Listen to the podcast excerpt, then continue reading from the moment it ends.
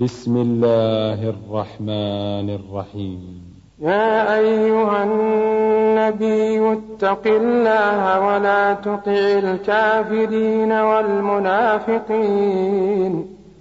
إن الله كان عليما حكيما.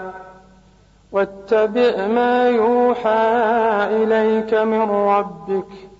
إن الله كان بما تعملون خبيرا وتوكل على الله وكفى بالله وكيلا ما جعل الله لرجل من قلبين في جوفه وما جعل أزواجكم اللائي تظاهرون منهن أمهاتكم وما جعل أدعياءكم أبناءكم ذلكم قولكم بأفواهكم والله يقول الحق وهو يهدي السبيل ادعوهم لآبائهم هو أقسط عند الله. فإن لم تعلموا آباءهم فإخوانكم في الدين ومواليكم. وليس عليكم جناح فيما أخطأتم به ولكن ولكن ما تعمدت قلوبكم وكان الله غفورا رحيما النبي أولى بالمؤمنين من أنفسهم وأزواجه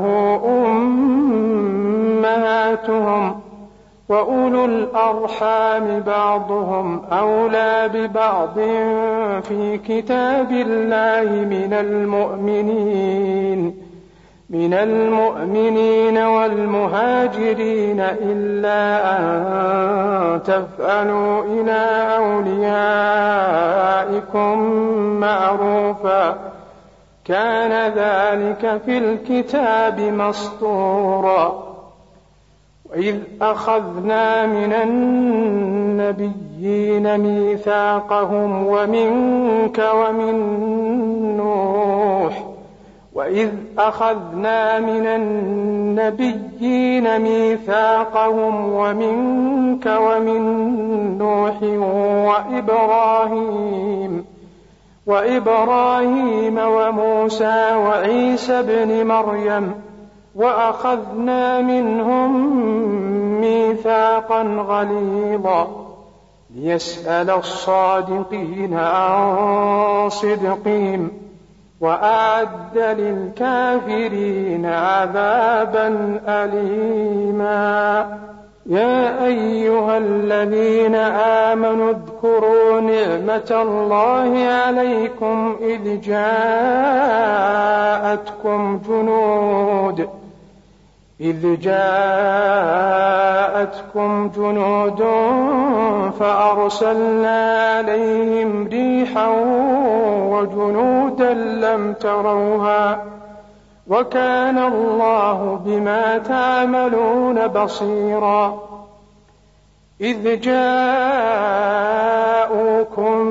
من فوقكم ومن أسفل منكم وإذ زاغت الأبصار وبلغت القلوب الحناجر وتظنون وتظنون بالله الظنونا هنالك ابتلي المؤمنون وزلزلوا زلزالا شديدا وإذ يقول المنافقون والذين في قلوبهم مرض ما وعدنا الله ورسوله إلا غرورا وإذ قالت طائفة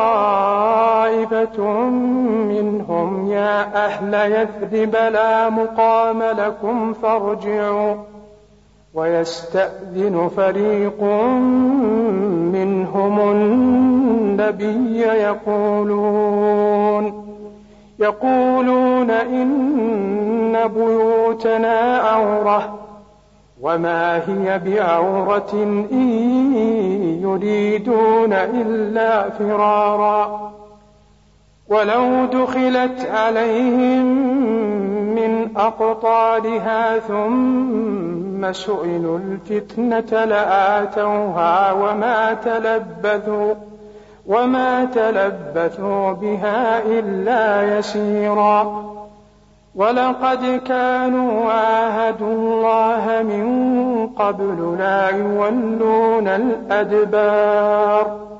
وكان عهد الله مسؤولا. قل لن ينفعكم الفغار